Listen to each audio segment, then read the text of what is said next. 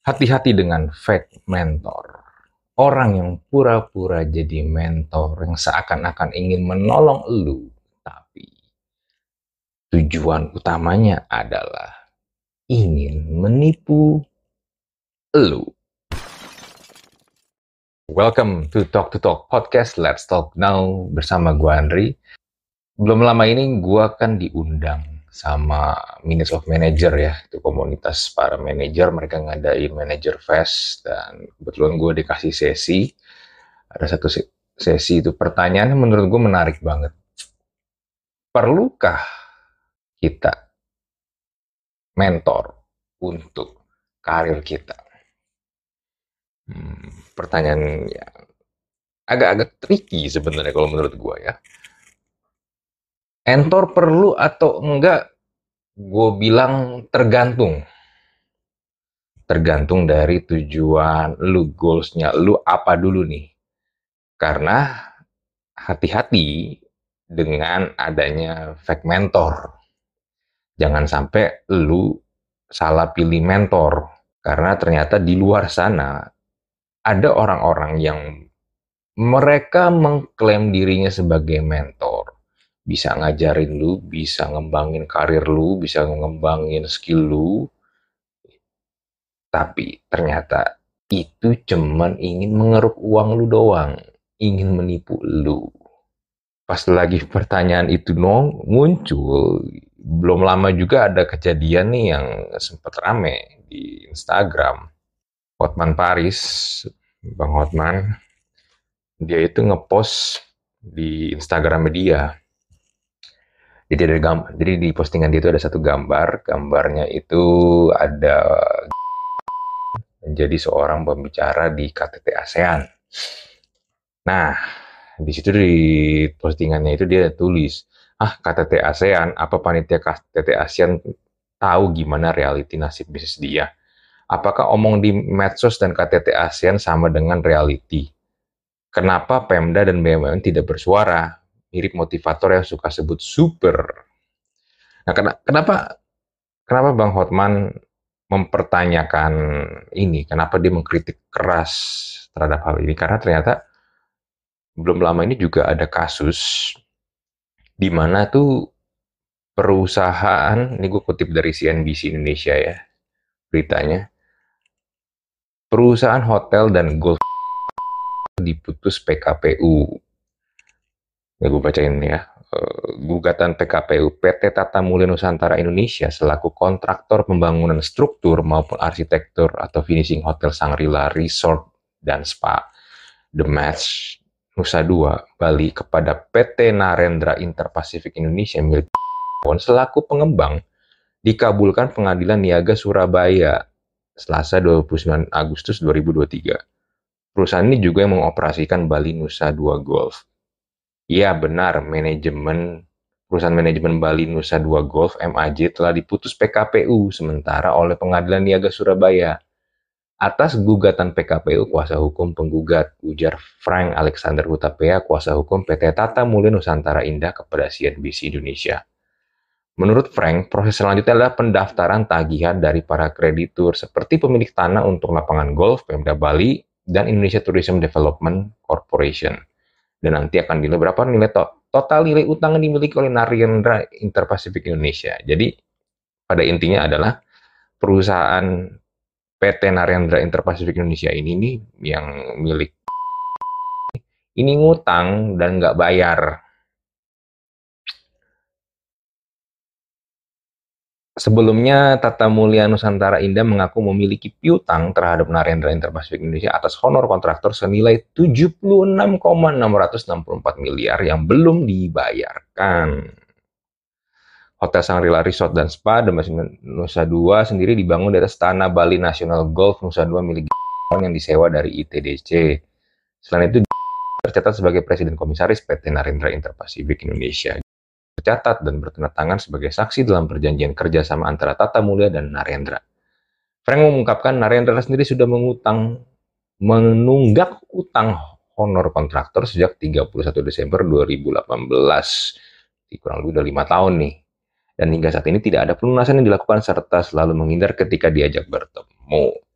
Nah, ketika berita ini naik nih ya, dan kemarin ketika gue mendapatkan pertanyaan itu, gue ya karena ini juga berita masih baru, uh, gue langsung kepikiran gitu tentang berita ini. Karena kenapa? Ternyata gue menemukan banyak orang-orang yang gue kenal itu ternyata mengidolakan sosok entah mereka menganggapnya sebagai idola kah atau sebagai panutan kah atau sebagai mentor yang of course ketika membaca atau mendengar berita ini jadi bertanya-tanya gitu. Ada juga yang kecewa, ada juga yang jadi kok sosoknya kelihatannya bagus, personanya bagus, positif, memotivasi, menginspirasi, tapi kok ternyata melakukan ya ini bisa dibilang kan adalah ini ya ada pelanggaran di sini karena dia tidak mau membayar kewajiban dia yang tadi 76 miliar lebih itu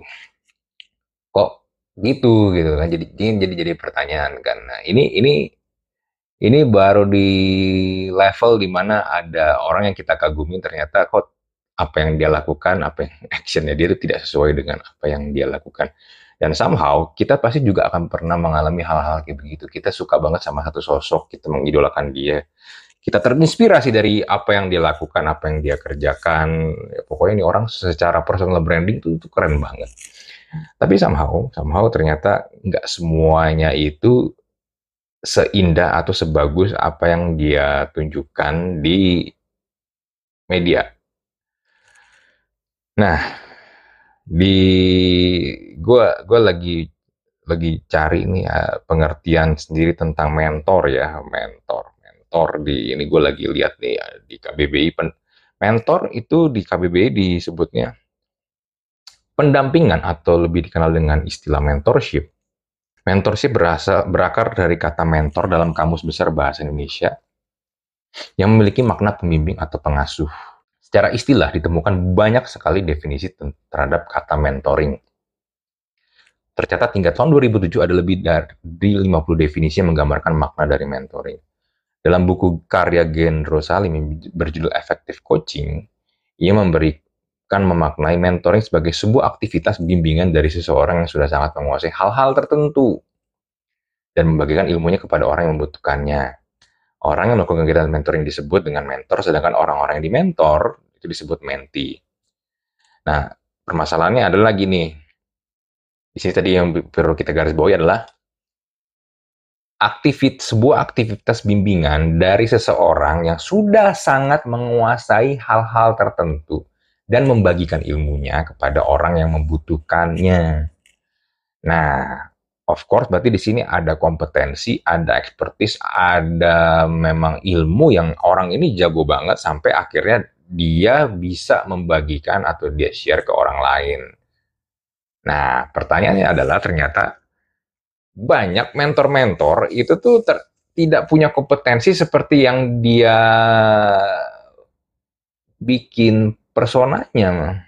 Jadi ternyata dia tuh nggak nggak nggak sejago itu. Ada yang ada yang membranding dirinya sebagai financial coach atau apa pun itu loh ya jago di financial tapi ternyata tuh dia tidak punya sertifikasi ternyata dia tuh tidak sejago itu keuangan dia juga kacau balau tapi ya dia sudah membranding dirinya sebagai seorang financial planner atau financial coach ya jadinya seakan-akan dia tuh jago banget finansialnya nah, lalu juga ditambah dengan adanya fenomena sosial media ini, orang tuh begitu gampang menjadi siapa pun yang dia mau ada problem lagi nih. Problemnya adalah yang dia omongin itu, kesuksesan yang dia punya itu, itu dibungkus dengan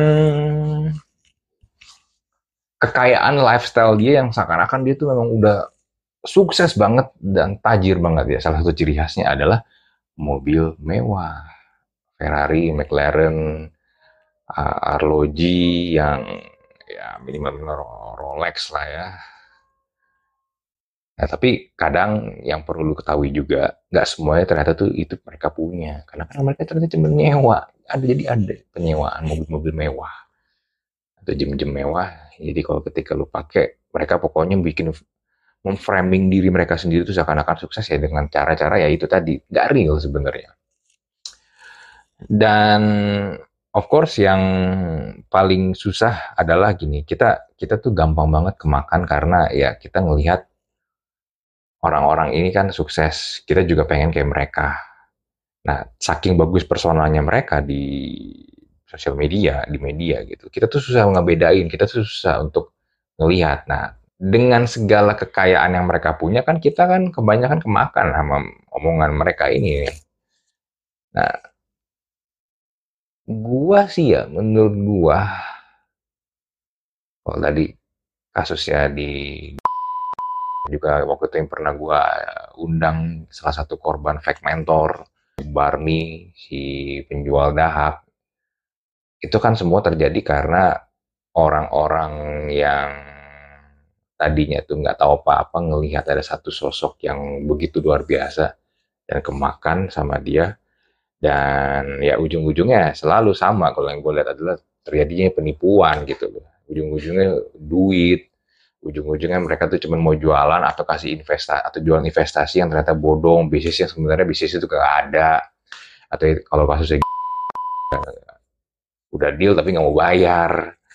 Ujung-ujungnya selalu pasti akan merugikannya dalam bentuknya finansial gitu. Nah, kalau gue sih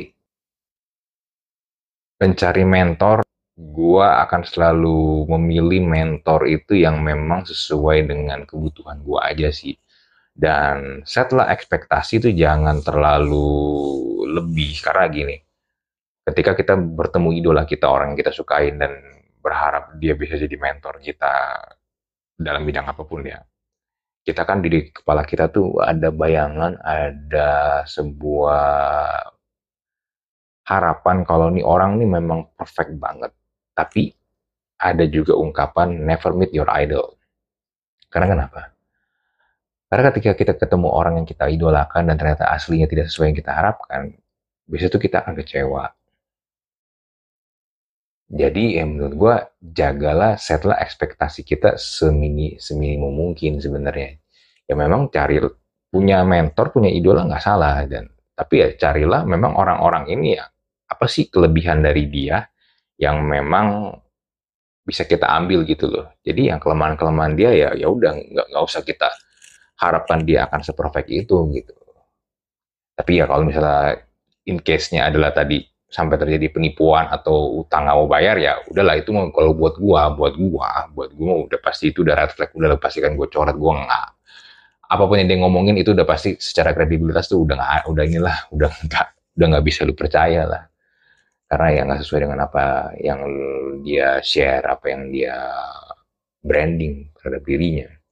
Jagalah ekspektasi dan menurut gua carilah memang benar-benar orang-orang yang memang sesuai dengan apa yang lu butuhkan. Ya kalau misalnya let's say lu pengen belajar bisnis ya carilah orang-orang memang benar-benar memang dia punya bisnis bukan orang yang buka kelas terus ja, dan kalau ditanya bisnisnya apa jawabannya pentat pelintut jawabannya muter-muter. Gue masih lebih memilih kalau misalnya belajar sama tukang bakmi dibandingkan orang yang gue nggak tahu dia bisnisnya apa tapi dia ngajarin dan sok-sok buka kelas gitu loh. Karena kenapa? Si tukang bakmi ini dia ini praktisi dia ini tahu gimana caranya karena secara teori dan ketemu dengan fakta di lapangan itu tuh bakal banyak banget perbedaan gitu banyak banget perbedaan yang kadang tuh untuk orang-orang yang nggak pernah bersentuhan langsung dan cuma tahu ngajarin doang itu akan susah gitu. ya somehow memang nggak gampang kayak tadi gue bilang it's very tricky tapi ya it's it is worth it kalau ketika lu yang akhirnya bisa menemukan orang yang memang sesuai dengan apa yang lu pengen. Waktu itu juga Steve Jobs ya pas lagi masih hidup dia pernah diundang MIT jadi jadi ada kayak jadi dosen tamu gitu. Dia dia tanya gitu di sini siapa yang kerja sebagai consulting? Bisnis consulting ada beberapa yang tunjuk tunjuk tangan terus dia bilang aduh kalian tuh kasihan banget intinya adalah dia bilang gini kalian itu seperti ibarat tuh kalau ada pisang kalian tuh tahu ada pisang ada gambar bentuk pisang tuh kayak gimana tahu tapi kalian tuh nggak pernah megang pisang kalian tuh nggak pernah ngerasain atau makan itu pisang, tapi cuma tahu oh kalau pisang tuh begini-begini, tapi nggak pernah megang langsung. So ya pada intinya memang cuman taunya ya sebatas teorinya aja. Yang dan ini juga juga sangat yang gue juga terapin ya kalau ketika kita ingin melakukan sesuatu kerjaan sesuatu dan memang pengen jago banget di situ ya memang kita tuh harus involve bener-bener dari ujung ke ujung gitu loh. Karena kalau enggak lu nggak tahu prosesnya itu gimana. Bisnis itu sendiri aja lu nggak tahu prosesnya gimana kan. Kalau cuma tahu ya terima beres. Jadi menurut gua ketika kita ingin memilih mentor yang cocok hati-hati aja jangan gampang termakan sama persona atau personal branding yang mereka bikin gitu.